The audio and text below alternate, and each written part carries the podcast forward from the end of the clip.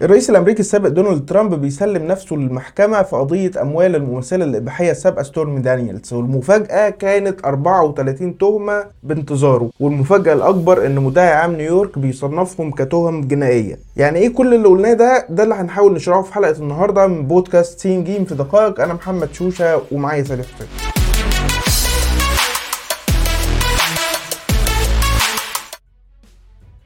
إيه طبيعة ال 34 تهمه اللي بيواجههم ترامب حاليا يا سيدي؟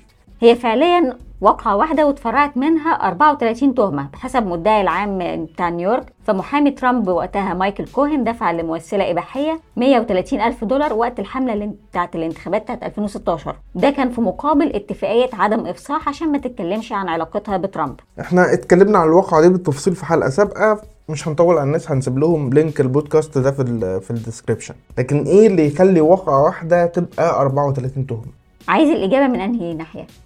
يعني إيه من أي ناحية؟ ما هو قانون واحد ومفروض القانون ما فيهوش زينب لا ده اللي بيقوله المدعي العام بتاع نيويورك اللي هو صايغ اللائحه في القوانين الأمريكية دفع الفلوس مقابل اتفاق صمت يعتبر عمل قانوني. لكن المدعي العام بيقول إن محامي ترامب مايكل كوهن هو اللي دفع المبلغ علشان يساعد حملة ترامب الرئاسية. فهو كده تآمر للدعاية لمرشح بشكل غير قانوني وما كشفش عن المبلغ ده وقت الحملة. فهو كده انتهك قانون تمويل الحملات الفيدرالية.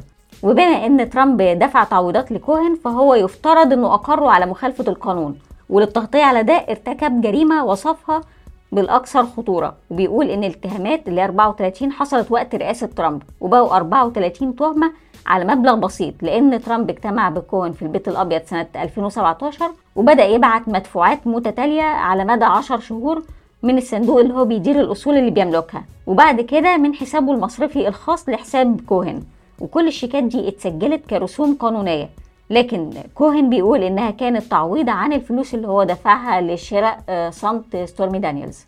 المدعي العام هنا بيقول إن النقطة الصغيرة دي أدت ل 34 حالة تزوير في السجلات التجارية لكيانات ترامب في نيويورك اللي هي 34 تهمة بحسب المدعي العام جواهم جريمتين تانيين تجاوز الحد الأقصى لمساهمة في حملة انتخابية والتآمر للدعاية لمرشح بشكل غير قانوني.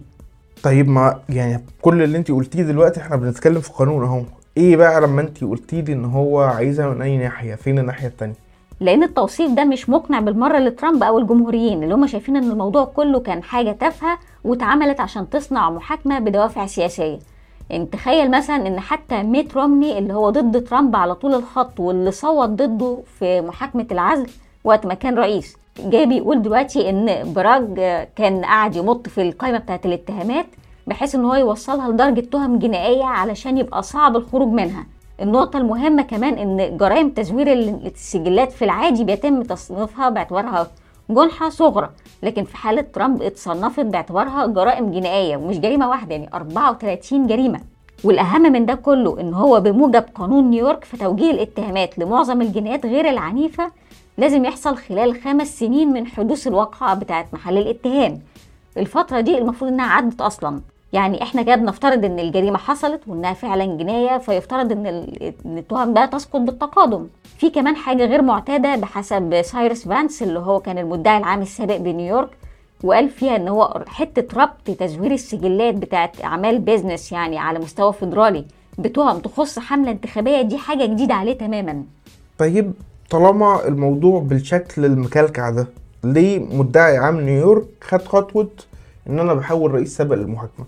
هو بيقول إن كل الجرائم اتركزت على الكذب مرارا وتكرارا يعني لحماية المصالح والتهرب من القانون.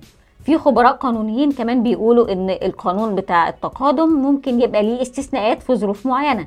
زي مثلا إن المتهم يكون قضى فترة بره نيويورك وبما إن ترامب قضى معظم الفترة دي ما بين واشنطن كرئيس وما بين فلوريدا اللي فيها المنتجع بتاعه فشايفين إن القانون هنا لا يطبق عليه.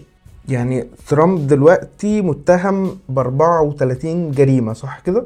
قانونا لا هي جريمة واحدة لكن فصلتها لائحة الاتهام ل 34 تهمة جنائية لكن في النهاية هي نفس الجريمة. طيب وطالما جريمة واحدة ليه التفنيطة الطويلة دي؟ لأن بحسب قوانين نيويورك لو ودين ترامب فكل تهمة لوحدها عقوبتها بتوصل للسجن أربع سنين ومن حق القاضي يفرض عقوبات متتالية. يعني يفترض كده إن ترامب يخلص عقوبة فيدخل في الثانية يعني أنت طلع بقى الآلة الحاسبة كده واحسب الكلام ده عشان تشوف الأقصى عقوبة تبقى كام. استني كده الموضوع يستاهل فعلا.